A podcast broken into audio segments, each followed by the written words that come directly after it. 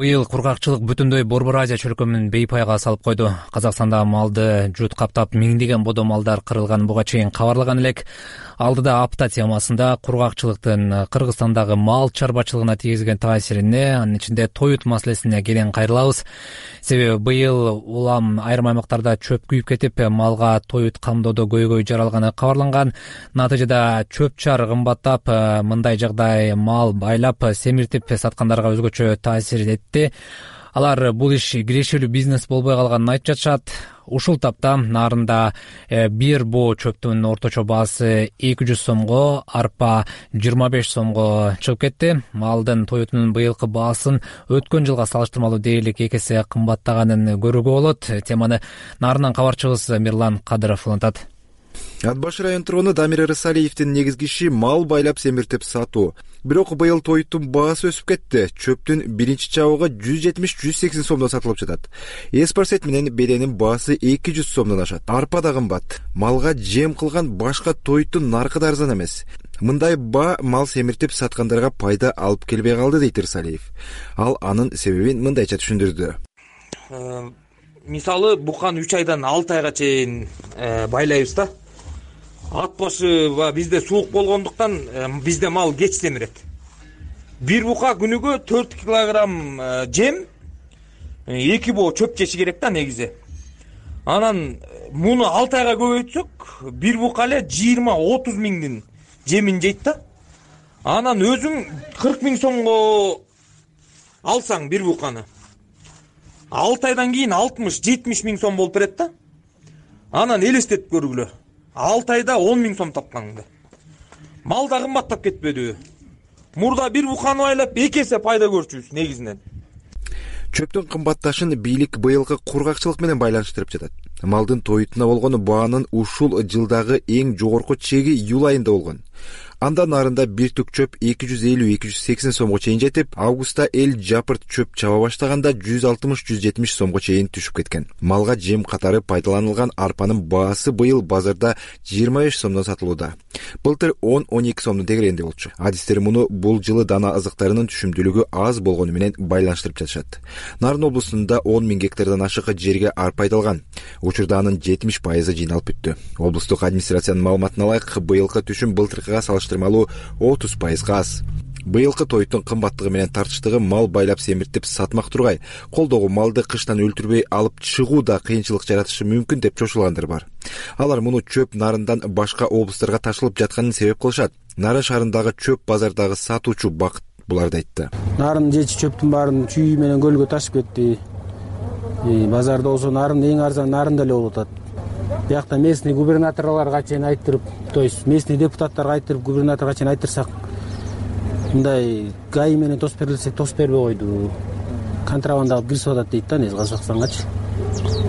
А бирок бизде өзүбүздө эле кымбат болуп атат да. Кышында ошо нарын элинде чөп кандай болот кыш жеңил болсо экен деп атабыз ошо же болбосо нарын элинин чөбүн бүт ташып кетти да. Могу аймак мисалы нарынды эле тойгузсат да өзүбүзкө жетчү чөп бар да. Ошо өзүбүз кыштата жетчү чөптүн баарын чүйгө ташып кетти улуттук статистика комитетинин маалыматына ылайык нарын облусунда бир миллиондон ашык майда жандык эки жүз миңдей ири мүйүздүү мал жана дагы эки жүз миңден ашык жылкы баласы бар. Мирлан кадыров азаттык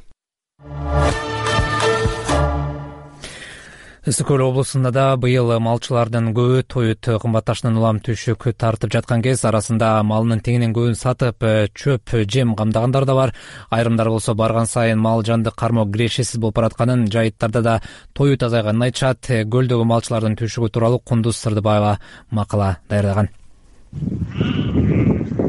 О нурел ар жагын бери айдап кой отуз төрт жаштагы нуралы ыбраев түп районундагы күүч айылынын тургуну. Атасынан калган бир короо малды улап тиричилик кылып келе жатканына быйыл он жыл болду. Үйдүн кичүүсү болгондуктан жогорку окуу жайды деле окуган жокмун.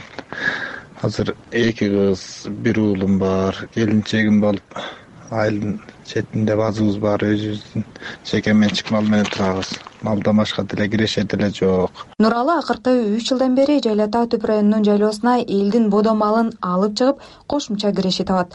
Ар жыл сайын райондук токой чарбадан ижарага жайыт жер алып үй бүлөсү менен тоо боорунда эс алуу менен ишти айкалыштырат экен. Анын айтымында быйыл жайытта мал жылдагыдан көп болду. Мал деген аябай көп болуп кетти.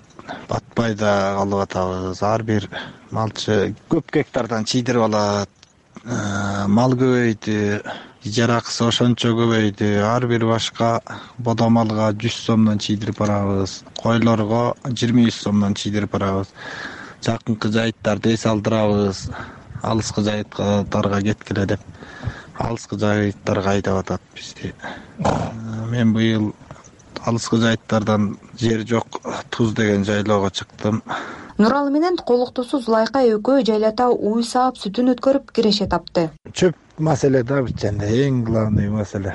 Биринчи беде ошо казакстан менен өзбекстанга чыгып кеткен үчүн аябай кымбат болуп кетти да өзүбүздүн чөбү өзүбүзгө негизи жетмек. Жазында жүз элүүдөн болчу мына жүз элүүдөн болгондо аябай кымбат экен мынчалык эмне кымбат дегенбиз мына үч жүз элүүдөн деле ил айсыктай алып атабыз. Ушул өкмөт чөп жагын карап берсе четке чыгарбай өзүбүзгө кичине арзаныраак болсо. Элдин көбү эле малын чөпкө сатып атышат. Э, сатып ийип банкка салып коюп жазында алабыз чөпкө түтпөй атабыз жем менен чөпкө деп былтыр арпа он эки он үчтөн ушундайдан болсо керек по моему быйыл жыйырма эки жыйырма үч жыйырма бешке чейин деп атышат. Быйыл үч жүздүк сатып алдым үч жүз алтымыштан. Жазда ысык болуп чөп чыгаар маалда күн ысып чөп жок. Мал чарбасы менен келе жаткан нуралынын айтымында айылдагы бир топ мал чарба кармаган электиктер короодогу жандыктарын сатып ордуна тоют камдап жатат. Баардык жакта эле чөп каат болуп атат. Кымбат баары эле малын сатып эки кишинин башы кошулган жерден эле малды азайтып сатып банкка салып жазда албасак тоютка түткөлбөйбүз го деп атышат элдин эки кишинин башы кошулган жерден эле мына жакынкы эле досум үч жылкысын сатты мына чөп камдайм быйыл деп малдын және чөп жок болгонуна байланыштуу малдын деле эттениши начарыраак базарга алып барсак арзан болуп атат. Эттениш деле слабый чоң жайлоонуку деле бул жайлоонуку деле баарыныкы эле. Малдын туягы көбөйүп кетти аябай. Саны эмес сапатыга өтүш керек болуп калды президенттин ысык көлдөгү өкүлчүлүгүнүн маалыматына караганда ысык көлдүк малчылардын колунда жандыктардын саны көбөйдү. Бирок акыркы ай ичинде малын саттыкка чыгаргандар да көбөйгөнү айтылат. Буга себеп катары ата энелердин мектепке даярдыгы жана тоюттун тартыштыгы айтылып жатат. Ысык көлдө кыш алты айга чейин созулат. Айрым айылдарда жааган кардын калыңдыгы жарым метрден ашат. Кундуз сырдыбаева ысык көл азаттык эми кезекте жалал абадтан келген э, баянга орун берсек э, анткени жалал абад облусунда деле ысык көлдөгүдөй кырдаал э, байкалып жатыптыр. Айрым фермерлер азыртуудан эле мал жандыктарын базарга чыгарып сатууга аракет кылып жатышканын кабарчыбыз билдирип жатат. Анда кабарчыбыз талгат абжалил уулу аймактагы малчылар тоютту кандай камдап жатканына кызыгып көргөн.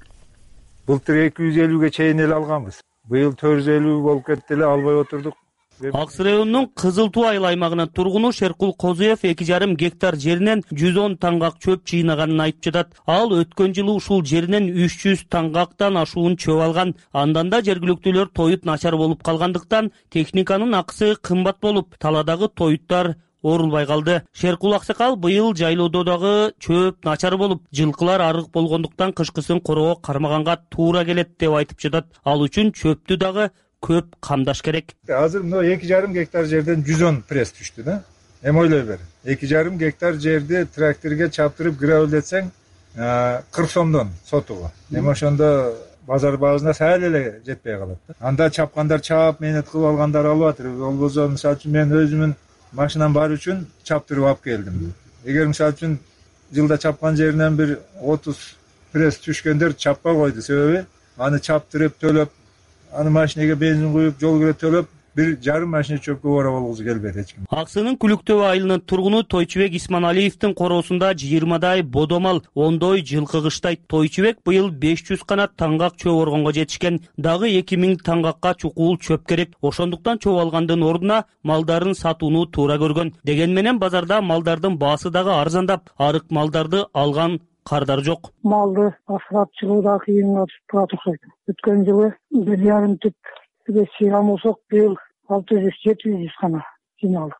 Малдарды сатабыз десек мал арзан болуп атат быйыл эми өткөн жылга караганда дагы бар сатабыз азайтабыз малды ал эми чөп таңкыстыгы сузактын айылдарында дагы байкалды. Нурлан кокуевдин коросунда жети жүз баш кой бар. Ал чөп сатып алыш үчүн эки жүз баш койду сатып алты жүз миң сомго эки миң таңгак тоют сатып алды. Нурлан кокуев мал чарбадагы тоют маселеси жылда көтөрүлө берсе корого мал кармоонун кажети жок деген пикирде. Азыр калган эки жүздөй козумду сатып эки миңдей эле быйыл жылда беш миң чөп камдасак быйыл эки миң эле тай пресс камдадык. Анан ошо аренда жер алып айыл өкмөттөн үч гектардан жүгөрү эккенмин буюрса менин планым быйыл чөптү азыраак берем дагы жемге күч берем да кубат көбүрөөк жем берип мал базара баса албайсың адам көптүгүнөнчү эл бүт эле сатып атат. Бизге обязательно ушул көңүл буруш керек. Антпесе көбү быйылкыдай эки жыл туруп берсе сатып салат биздикилер өзүңөр көрдүңүзбү быйыл казакстанда канча мал кырылып кетти кургакчылыктан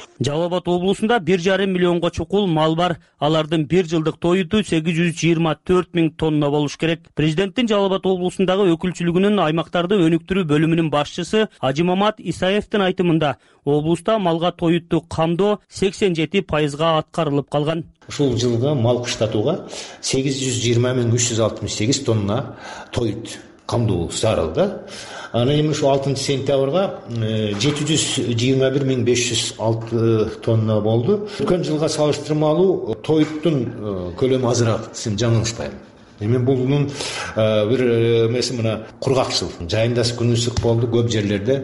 Э, түшүмдүүлүк деле. Мына тоюттун негизги бөлүгүн биз жанагы көп жылдык чөптөр. Э, саман анан силос азыркы учурда мына э, тоюттун баасы дагы базардагы сатылуу баасы да өтө мындай жогору болуп атканы. Бул муктаждыктын жогору. Азыр азыркы негизги кесек тоют Э, камдоо э, уже аяктап бүтүп калды десем болот.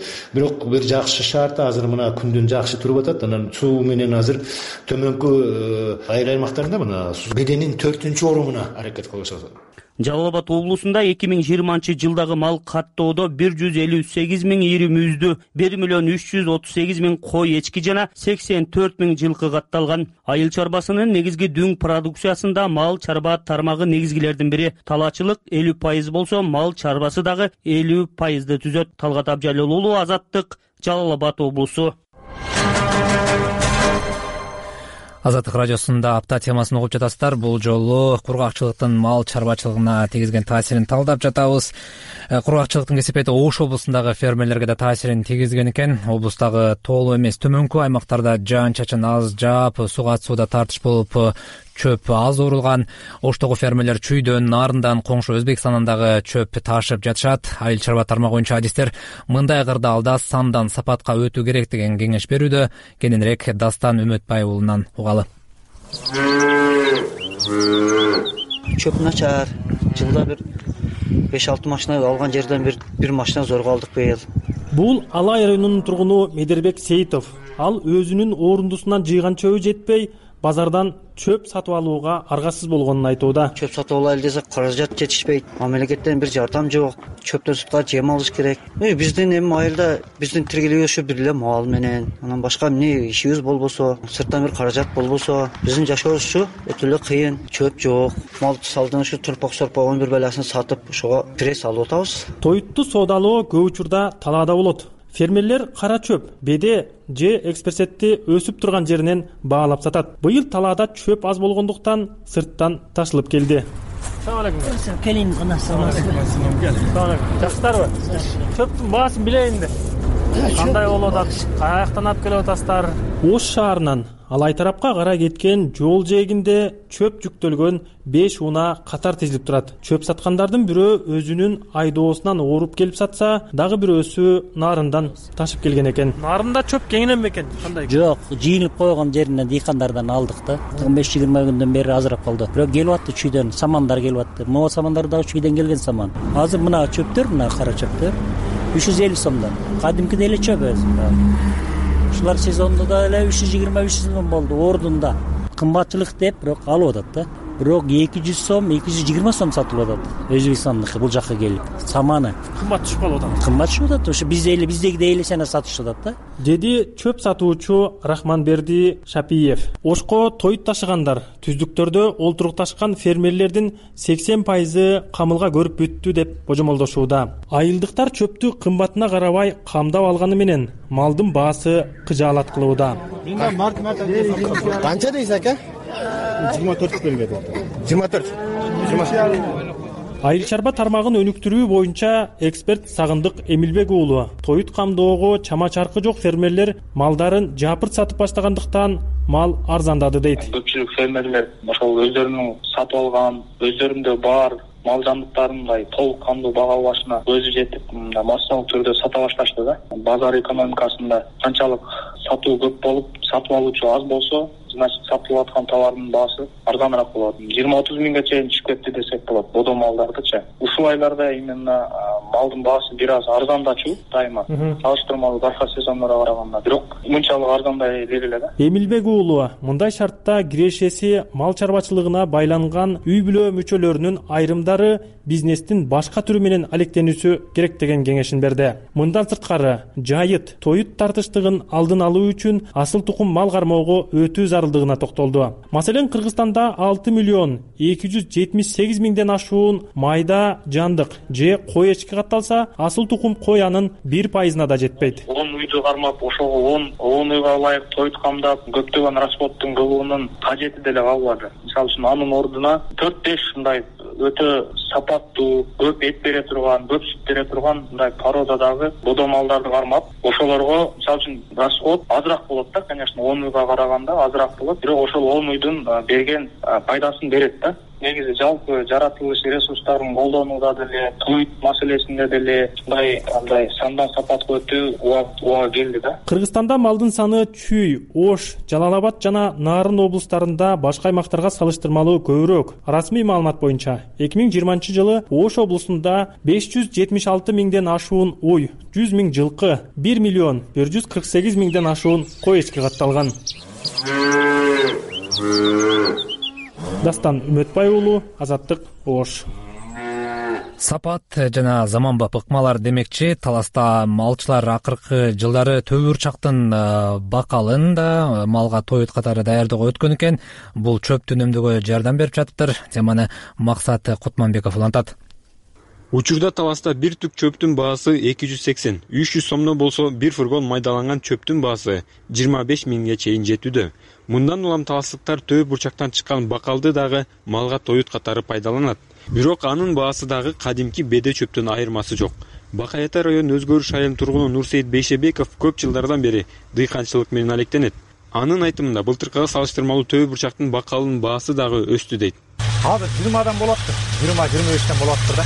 Ноянын немеси бир фургон мурун он эки он үч ушундай болчу чөптү канчалык алып кымбат аласың малды деле кымбат бирок киреше азыраак болот. А мурун чөп арзан болчу мал да арзан болчу. Бул абадан тоют катары жакшы. Э, мунун азыр ошо жана чөпкө аралаштырып берип э, мунун данын дагы жана сууга чыйытып ошондо малга берип атабыз. Бул негизи посойдун өзүнүн калориясы абдан күчтүү экен мал байлаганга ал эми жай айларында таластагы чөп базарда көп жылдык чөптүн бир түгү үч жүз элүү сомдон ашкан. Талас району көк токой айылынын тургуну жанболот картаңбаев чөптүн кымбатташын таластагы чөптүн башка аймактарга чыгып кетишине байланыштырды казакстанга кетип атат деп уктуп аттым түштүк тарапка кетип атат деп угуп аттым анан ошодо кошо талашып бүткөн бааны көтөрүлдү деп ойлойм да. Мисалы быйыл ысык болду ысыкты экспресстер жакшы сүйбөйт кары беде жакшы экен анан. Азыр эми уже азыр чөп уже болду да чабык бүтүп баратат. Үчүнчү чабыктын этеги болуп азыр эми көтөрүлсө эми көтөрүлүш керек көтөрүлөт эми. Быйыл өлкө боюнча кургакчылык өкүм сүрдү айрым аймактарда кургакчылыктан тоют камдалчу талааларга суу жетпей чөп күйүп кеткен. Кургакчылыктан улам таласта төбө бурчактын түшүмдүүлүгүн жыйырма жыйырма беш пайызга азайган. Талас облустук агрардык өнүктүрүү секторунун башчысы эмилбек тууганбаев дагы тоют маселеси боюнча буларды айтты.